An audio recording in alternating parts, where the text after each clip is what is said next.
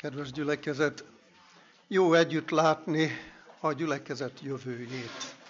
Mert ahol vannak gyermekek, ott a gyülekezetnek van jövője.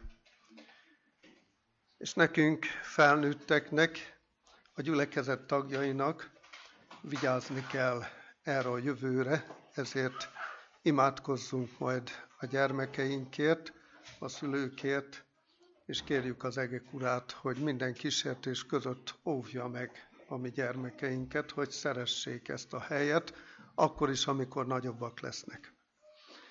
Kedves testvéreim, a szombat döntő része mindig az ige hirdetés, amikor hitünk szerint az Úr minnyájunkat megszólít.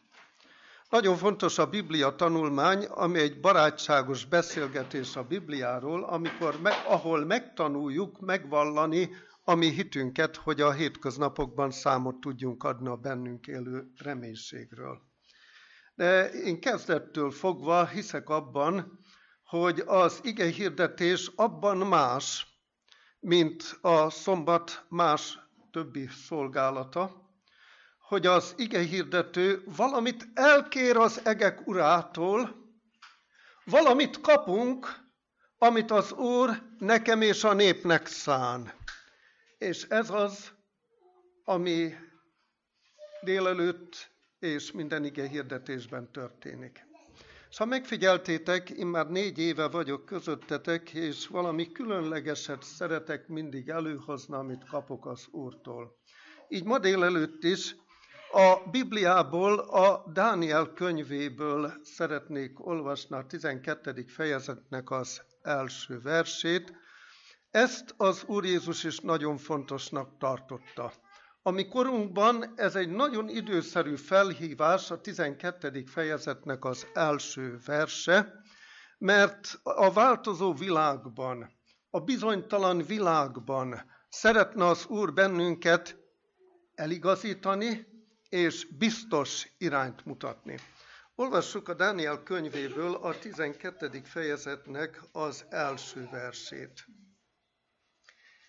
És abban az időben felkél Mihály a nagy fejedelem, aki a te néped fiaiért áll, mert nyomorúságos idő lesz, amilyen nem volt attól fogva, hogy nép kezdett lenni mindez ideig. És abban az időben megszabadul a te néped, aki csak beírva találtatik a könyvben. A bevezető igének van három döntőpontja. Az első, hogy felkél Mihály a nagy fejedelem. A másik pontja a nyomorúságos idő ami elközelgett, ami már érint bennünket. A harmadik pedig Isten ígérete, hogy megszabadul a te néped. A szöveg első és utolsó tagmondatából fogunk kiindulni tanulmányunk során, még több időt kell eltöltenünk a nyomorúságos időnek a jelentőségével és jelentésével.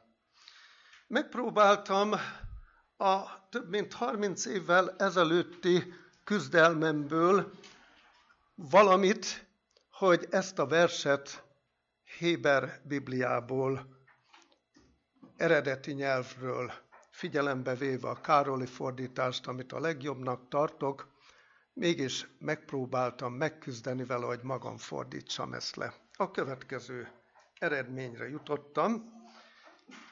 Így hangzik a szöveg eredeti Héber nyelven.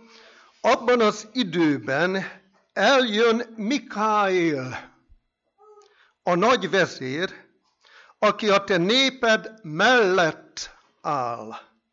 Nyomorúságos idő lesz, amilyen nem volt, mióta népek vannak, addig az időig. De abban az időben megmenekül néped, mindaz, aki be lesz írva a könyvbe.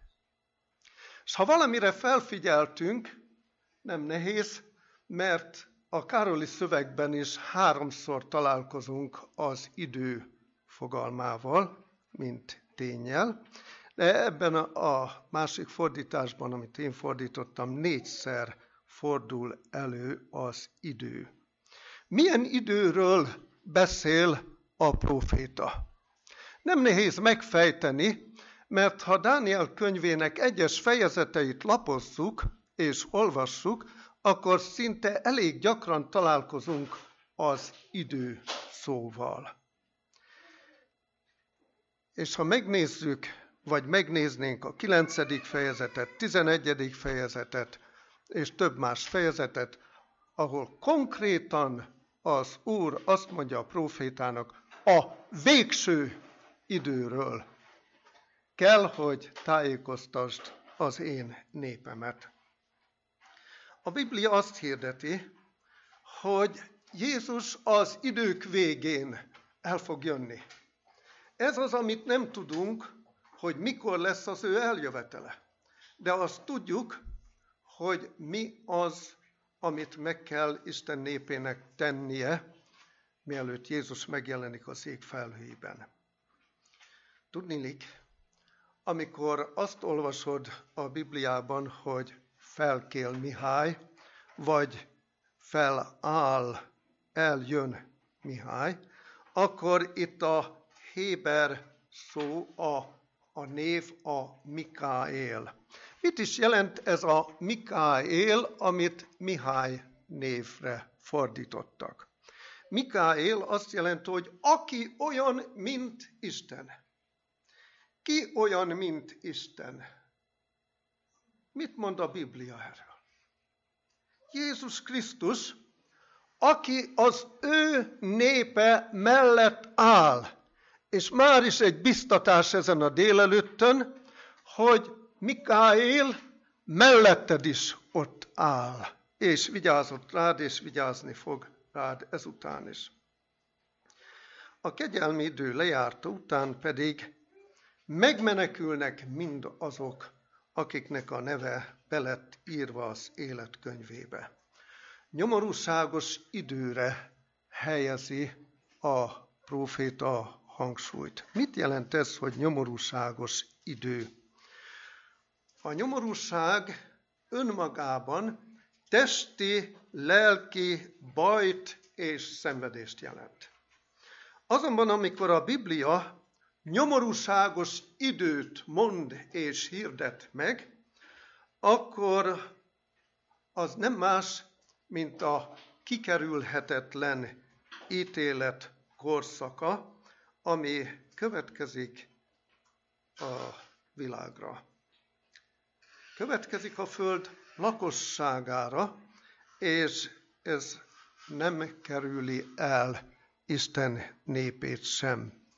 Az ítélet nem más, mint számonkérés, amikor számon kéri az Úr a mi életünket, hogy miként éltünk. Miként éltünk, kinek éltünk, kinek hittünk az igazságnak, vagy a csalásnak. Nyomorúságos idő, ami első hallásra ijesztőnek tűnik. Azonban, amikor a proféta meghirdeti ezt, hogy nyomorúságos idő lesz, olyan, amilyen nem volt a történelem kezdete óta, akkor a Biblia szerinti nyomorúságos idő fogalmába négy fontos tényező tartozik bele. És ha megfigyeljük ezt a négy nagyon fontos tényezőt, akkor nem is fogunk annyira félni ettől a nyomorúságos időtől, bár rettenetesnek tűnik. No, az első tényező, ami a nyomorúságos idő fogalmába tartozik, a külső körülmények. Külső körülmények alatt pedig értem az egész világot. A másik a lelkiismereti kényszer. Ez alatt pedig érti a Szentírás a vallásos világot és különösképpen a kereszténységet. A harmadik pedig az egyénre, az egyes hívőkre korlátozódik, és itt a Biblia a Jákob küzdelmének az éjszakájáról tesz említést. A negyedik pedig, ami a nyomorúságos időt érinti, hogy lesz egy nap, amikor már nem lesz közben járó. A közben járó nélküli idő. És testvéreim, barátaim, ez egy nagyon fontos felhívása az Úrnak az ő népéhez a mi korunkban, hogy olyan nagy nyomorúság lesz, amilyen nem volt, amióta nép kezdett lenne a földön. Ne felejtsük el, nyomorúságos idő a Biblia szerint a külső körülményeket,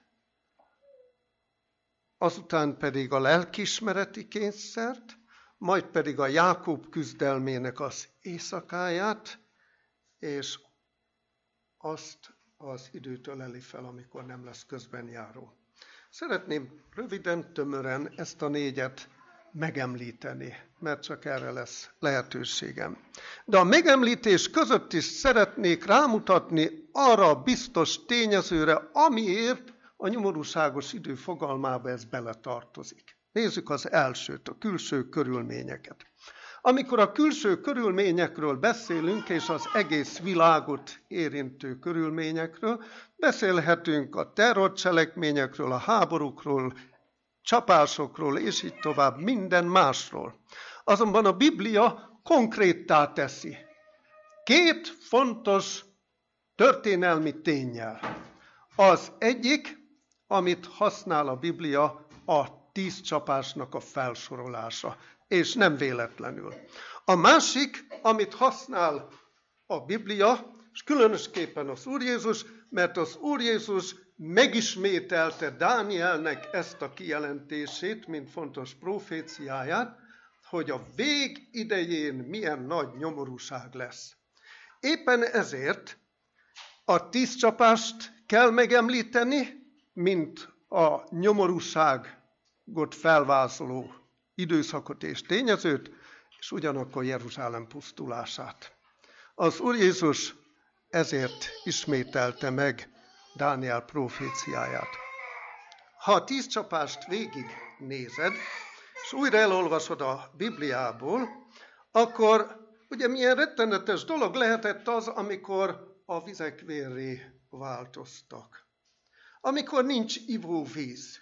És most mennyit beszélnek arról, hogy a közeljövőben rettenetes válság lesz, mert elfogy az élvezhető ivóvíz. És ez nincs messze tőlünk ez az idő az ígéret is megvan, hogy Isten népének ennek ellenére kenyere és vize meg lesz. A csapások között milyen borzalmas dolog lehetett az, hogy békák között lenni. Mindenütt azok az undorító állatok ott vannak. Milyen rettenetes dolog lehetett az, amikor a tetvek csípték az embereket. A mai generáció azt nem tudja, de akik átélték a második világháborút, tudják, hogy elmondták azok az emberek, akik tapasztalták, hogy söpörni lehetett a tetveket a levegőbe. Valami borzalmas dolog. A különféle bogaraknak a megjelenése. Azután pedig a dögvész, mindenütt halott állatokkal, emberekkel között lenni. Szintén a háború idején tapasztalhatták az emberek ezt. Vagy pedig a fekélyek, gyógyíthatatlan betegségek. Ott van a tíz csapás között.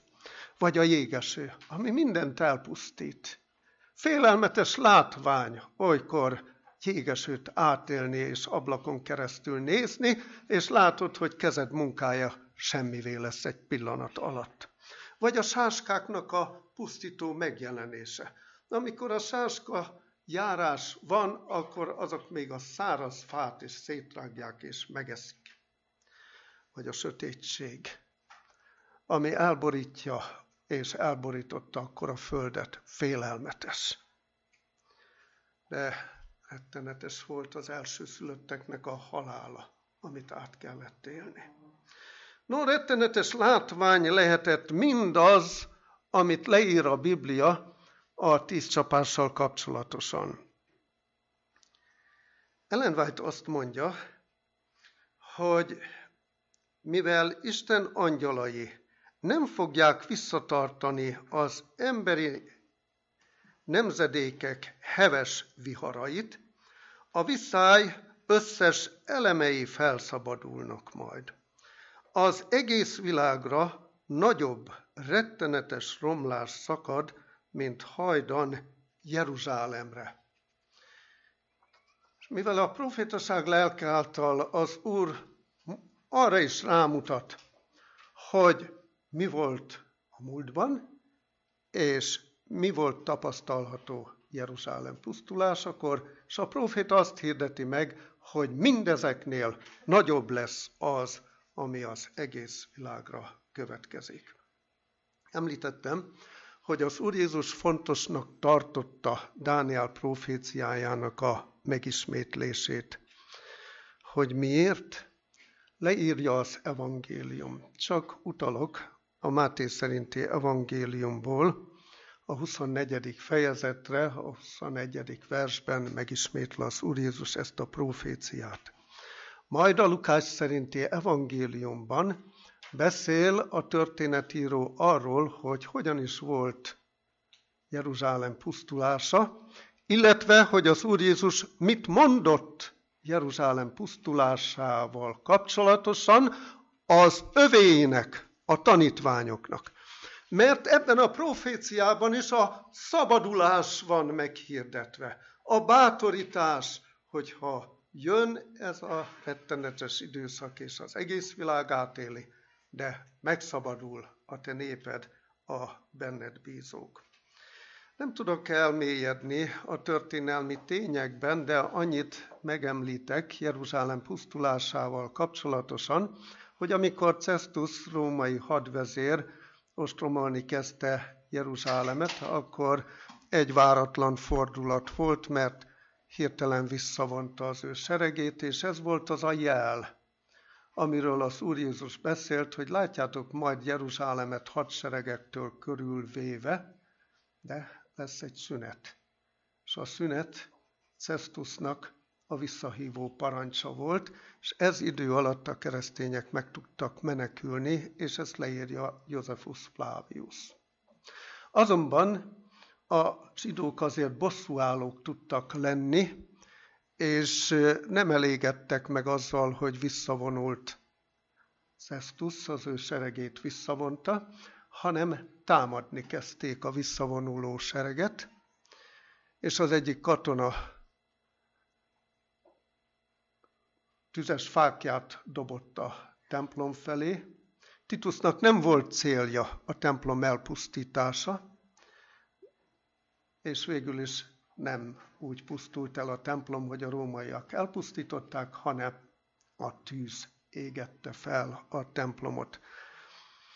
De a templom felégése között ott volt a szünet, hogy megszabadulhasson Isten népe. Erről ennyit. Tehát az Úr Jézus felhasználta ezt a példát, ezt a történetet, és azt mondta, az idők végén megismétlődik, és a Bibliában Jeruzsálem pusztulása a világ végét jelképezi.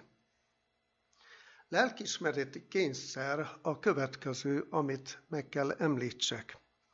A jelenések könyve 13. fejezetében a 16. és a 17. vers beszél erről a lelkismereti kényszerről. És amikor a Szentírás a lelkismereti kényszert kiemeli, mint a nagy nyomorúságnak egy fontos részét, akkor ott hangsúlyt ad annak, hogy végül is nem boldogul senki más. Tehát azt cselekszi, hogy ne is adhasson, ne is vehessen senki semmit, hanem csak akin a fenevad bélyege van, vagy neve, vagy nevének száma. Azonban a Biblia beszél arról, hogy a földből feljövő fenevad és a tengerből feljövő fenevadnak a szerepe.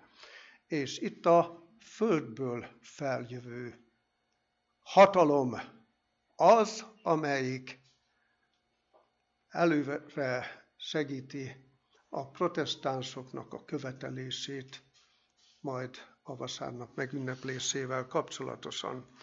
Csak olvasok néhány idézetet ezzel kapcsolatosan, mert amikor a Biblia lelkiismereti kényszert említi, akkor azt sem felejthetjük el, hogy Jeruzsálem elpusztulásának az oka az volt, hogy a zsidók Krisztust elvetették és nem fogadták el személyes megváltójuknak. Ellen White azt mondja, hogy a keresztény világ nagy bűne pedig Isten törvényének az elvetése. És ebből fog következni a lelkiismereti kényszer, és ez lesz a nagy vitatárgya, hogy szombat vagy vasárnap. Egyre inkább azt látjuk, hogy az egész világ valamilyen szinten vallásossá válik. Mert volt egy hosszú időszak, itt legalábbis Európában, ahol kommunizmus volt, Isten tagadás, de egy idő után szemünk láttára eltűnt a földről, és egyre inkább eltűnni látszik, még onnan is, ahol jelenleg nyoma van. Emlékszem egy beszélgetésre, amikor az adventisták, lehettem akkor 16 éves, amikor az adventisták egyik csoportja az egyik gyülekezetben erről a proféciáról beszélgetett, és a prédikátor hallotta az ő beszélgetésüket, és azt mondta, hogy kedves testvéreim, most nem kell nekünk ettől félnünk, mert amíg a kommunizmus fennáll, addig ilyen üldözés és ilyen kényszer nem lesz. Igen ám, de a kommunizmus eltűnt, és a jelenések könyvének a 13. fejezete két tekintélyes hatalmat említ, az egyik a pápai uralom, a másik pedig az Egyesült Államoknak a szerepe, amely a protestáns világot képviseli, mint törvényhozó testület. Nem mélyedek el ebben sem most, majd egy másik alkalommal, de szeretnék egy idézetet olvasni. Ellen White azt mondja, mint hogy az egész kereszténységben a szombat különleges ütközőpont, tehát az egyház és az állam egyesíti hatalmát, hogy a vasárnap ünneplését kikényszerítse. Az elenyésző kisebbség kitartó ellenállása a népszerű követelménnyel szemben egyetemes megvetést eredményez. Követelik, hogy ne tűrjék meg azt a kisebbséget, mely ellenáll az egyház intézményének és az állam egyik törvényének. Jobb, ha az a kisebbség szenved, mint ha a nemzetek szenvednének, és törvénytelenség állapotába zuhannának. Úgy emlékszünk arra, jobb, ha egy fog meghalni, amikor Jézust halálra ítélték. Jobb, ha a kisebbség semmisül meg, és a többség akarata érvényesül. Valójában mi lesz az igazi bajnak az oka? Ellen White azt írja, mivel egyre kevesebben veszik igénybe a Szentlélek munkáját, Isten lelke visszavonatik a földről. Vallásos lesz lassan az egész világ, de a Szentlélek vezetésére, bölcsességére igen kevesen fognak igényt tartani, ezért a Szentlélek vissza fog vonulni a földről, írja a profétaság lelke, de ugyanakkor Ámosz proféta a nyolcadik fejezetben hangsúlyt ad annak, hogy a Szentlélek elvonul majd erről a földről. Ennek következménye a profétaság lelke szerint az egyre gyakoribb szerencsétlenségek, amik a szárazföldön, a vizen és a levegőben egyaránt megmutatkoznak. Mivel az egész világ lassan sátán befolyása alá kerül, azt mondják az emberek, a profétaság lelke által írja az Úr, azt fogják mondani az emberek, hogy a szombat megtartói, az okozói annak a sok bajnak, ami az egész földre rázúdult. Elfogy a víz, szennyezett a levegő, és sok más probléma, mint lásd a tornádót, a hurikánokat, és így tovább, ami elől menekülnek az emberek, ha tudnak. Ellen White a következőt mondja. Az óvilágban a katolicizmus, lásd jelenések könyve 13. fejezetét, az első fenevad. Tehát az óvilágban a katolicizmus, az új világban a hitehagyó protestantizmus jár el egyöntetűen azokkal szemben, akik Isten minden parancsolatát tisztelik és tisztelni fogják. Nos, mivel a külső körülmények egyaránt hozzák a nyomorúságot, azután pedig a vallásos világban is látjuk, hogy a nyomorúság elközeleg. Így az egyént, az egyes hívő embereket ér, is érinti ez a nagy csapás és nyomorúság. Ezért a Biblia nem véletlenül beszél a Jákob küzdelmének az éjszakájáról, amit a tíz csapáshoz hasonlóan még korábban találsz meg a Bibliában, a Jákob küzdelmének az éjszakáját. Amikor Jákob egyedül maradt az Úrral. Előzőleg hosszú ideig szolgált Lábánnál. De amiért el kellett otthonról menekülnie, az egy csalás volt. Egy segítségnyújtás az Úrnak.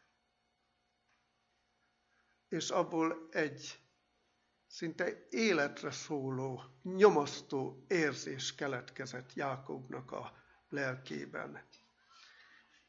Ellen White azt mondja, lelki tusáját, félelmét, még az önvárt terhe is súlyosbította, mert saját bűne okozta ezt a veszedelmet. És mi lett a megoldás? Jákobot nem hagyta el az Úr. A megoldás az Úr és ő. És amikor ez a nagy nyomorúság az egész világot fenyegeti, a külső körülmények ellenére, a vallásos világon belül fenyeget engem és téged. Mert nem gondolom, hogy mi különbek vagyunk Jákobnál. Mi ugyanúgy valamilyen formában védkeztünk az Úr ellen, és ott lesz bennünk egy nagy kérdés, hogy Uram, elfogadtál-e? Uram, el tudtam-e mindent rendezni? És az advent történelemben van egy különleges esemény amikor az adventisták várták az Úr Jézus eljövetelét, és készültek rá. Az igaz, hogy eladták vagyonukat, felszámoltak mindent, de az is igaz, hogy rendkívüli imórákat tartottak, mert hittek abban, hogy az Úr jönni fog, de akarták tudni azt, hogy Uram, elfogadtál-e. És egy testvérnő azt írja, hogy amikor rádöbbentünk arra, hogy van valami, amit még nem rendeztünk el, akkor siettünk ahhoz, hogy megbeszéljük vele és elrendezzük. És azt az Úr elé vittük. Elrendezni mindent. Ellen White azt írja, Isten népét ellenségek veszik körül, de nem ez jelenti lelki gyötrelmüket, hanem inkább attól félnek, hogy vajon megbántak, megbánták-e minden bűnöket, és esetleg a még bennük lévő hibák miatt nem teljesülhet rajtuk az üdvözítő ígérete. Mi az üdvözítő ígérete? Az, hogy megtart bennünket a nyomorúság idején. És mondja, mivel, hogy megtartottad az én békességre, békességre intő beszédemet, én is megtartalak téged a nyomorúság idején, amely az egész világra eljön. Ellen White azt mondja, akik elmulasztják az Isten napjára való előkészületet, a nyomorúság idején már nem tudják pótolni. Ma van az az idő, amikor még egymással is mindent elrendezhetünk, az Úrral is mindent megbeszélhetünk, és ő kész megbocsátani. Tovább olvasok Ellen. A nyomorúságnak előttünk álló időszaka olyan hitet igényel, amely elviseli a fáradtságot, a késedelmet, és még az éjséget is. Mert éjség is, nyomorúság is, szomjúság, minden lesz. Hitet igényel, mely a legszigorúbb próbák alatt sem gyengül. Hit, amely csak erősödik minden megpróbáltatás között. Ellen White azt mondja, akik nem akarják önmagukat megtagadni, akik nem tusakodnak Istennel, hogy áldásáért hosszan és komolyan imádkozzanak, azok nem is nyerik el. Lásd Jákóbot. Jákób küzdött, és győzött. Győzött. Leküzdte önmagát, és elfogadta Isten ígéretét és kegyelmét. És ugyanakkor odállt az ember elé és az ő testvére elé is. És elintézte, amit el kellett intézni. Nyomorúságos idő közeledik a profécia szerint, mert a bűn történelmét az Úr be akarja zárni. De úgy szeretné bezárni, hogy én és mi, akik itt vagyunk, és akik hiszünk ő benne, ott lehessünk Isten országában. És hadd említsem meg a negyedik tényezőt is, a közben járó nélküli időt. Tehát az első volt a külső körülmények, az egész világ állapota, minden csapásával, bajával együtt. A másik volt a lelkismereti kényszer, amikor a vallásos világban játszódó eseményeket öleli fel ez a nyomorúság ideje. A harmadik volt a saját magam helyzete, a Jákob küzdelmének az éjszakája. Eljön az egész világra, átéli az egész adventi nép, de azért van benne a Bibliában, mert személy szerint én és te mindannyian a Jákob küzdelmét átéljük, amikor egyedül vagy az Úrral, és csak egyedül az Úrban lesz a megoldás számomra. A negyedik a közben járó nélküli helyzet. A Bibliából néhány verset kellene itt megemlíteni, jelenések könyve 10. fejezet, 7. vers, 16. fejezet, 17. vers, és a 22. fejezet 11. verse. Amíg megjelennek ezek a, a versek, de már meg is jelent, hanem a hetedik angyal szavának napjaiban, mikor trombitálni kezd, akkor elvégeztetik az Istennek titka, amint megmondotta az ő szolgáinak, a profétáknak.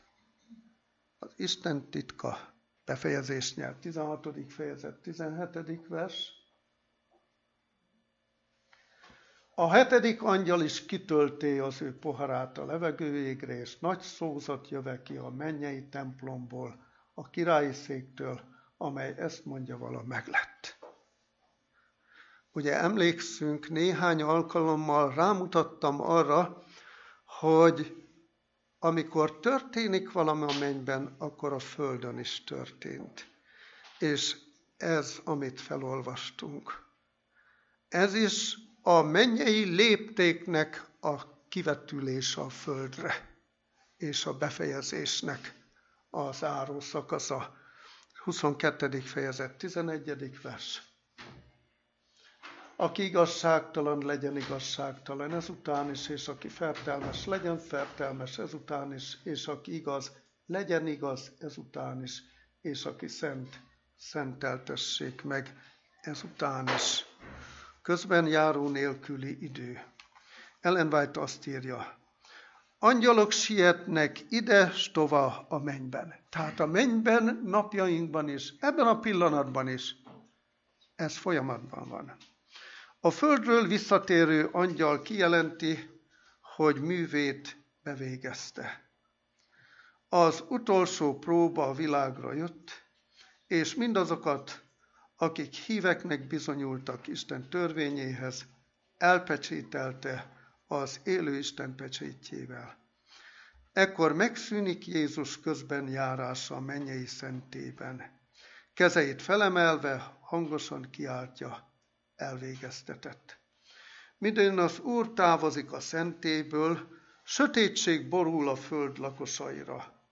Abban a félelmetes időben az igazaknak közben járó nélkül kell élniük. Amikor a Biblia azt mondja, hogy a nagy nyomorúság idejébe beletartoznak a külső körülmények, felöleli a lelkismereti kényszert, a Jákob küzdelmének az éjszakáját, amit át kell élnünk, és hogy nem lesz közben járó, akkor a Biblia azt mondja, hogy valaki benned lakozik, veled marad mindörökké, mert Jézus megígérte. Jézus befejezte a közben járást. Nem lesz megtérés tovább a lehetőség. Nem lesz lehetőség tovább a megtérésre. De Isten gyermekei, akik Jézussal jártak, akik teret engedtek a Szentlélek vezetésének, befolyásának, akkor is élvezni fogják a Szentlélek vezetését, amikor Jézus befejezte főpapi közben járói szolgálatát, és az ígéret teljesedik, hogy abban az időben megszabadul a te néped, aki belett írva a mennyei könyvekbe. Fejezve azt mondhatom, Isten népe nem lesz mentes a szenvedésektől. A külső körülmények ugyanúgy érintenek bennünket, mint bárki mást. És amikor eljön a végső megpróbáltatás, az az lesz, amikor Jézus segítségét nem tudod igényelni úgy, mint most. Mert Jézus ebben a pillanatban ott áll a mennyben, ami atyánk előtt átsebzett, kiterjesztett karjaival, és rólunk beszélget. Ki mondja a nevünket egyen-egyenként ott a mennyben. De amikor Jézus befejezi főpapi közben járói szolgálatát, akkor kijön a mennyei templom szentek szentjéből, és nem beszélget tovább rólunk az atyával. De az ő ígérete biztos. Amikor eljön a pártfogó, a világ nem ismeri, nem fogadhatja be, de ti ismeritek, mert nálatok lakik, és bennetek marad mindvégig. Kedves barátaim, testvéreim! Az idő nagyon közel van. Közelebb, mint ahogy gondolnánk. És ez a nyomorúság, ez kezdetét vette. És mivel ez így van, még egy Biblia verset vetítsünk ki. Ámosz próféta könyvéből a negyedik fejezet 12. versét. Isten kész arra, hogy megszabadítsa az ő népét, és mivel pedig mindez bekövetkezik, amiről a próféta szólt, azért hát eképpen cselekszem veled, Izrael. Mint hogy pedig eképpen cselekszem veled, készülj Istened elé, ó Izrael. Izraelnek a része vagyunk. Isten választott népének a része. Készülj Istened elé, ó budai gyülekezet. Én és mi. Amen.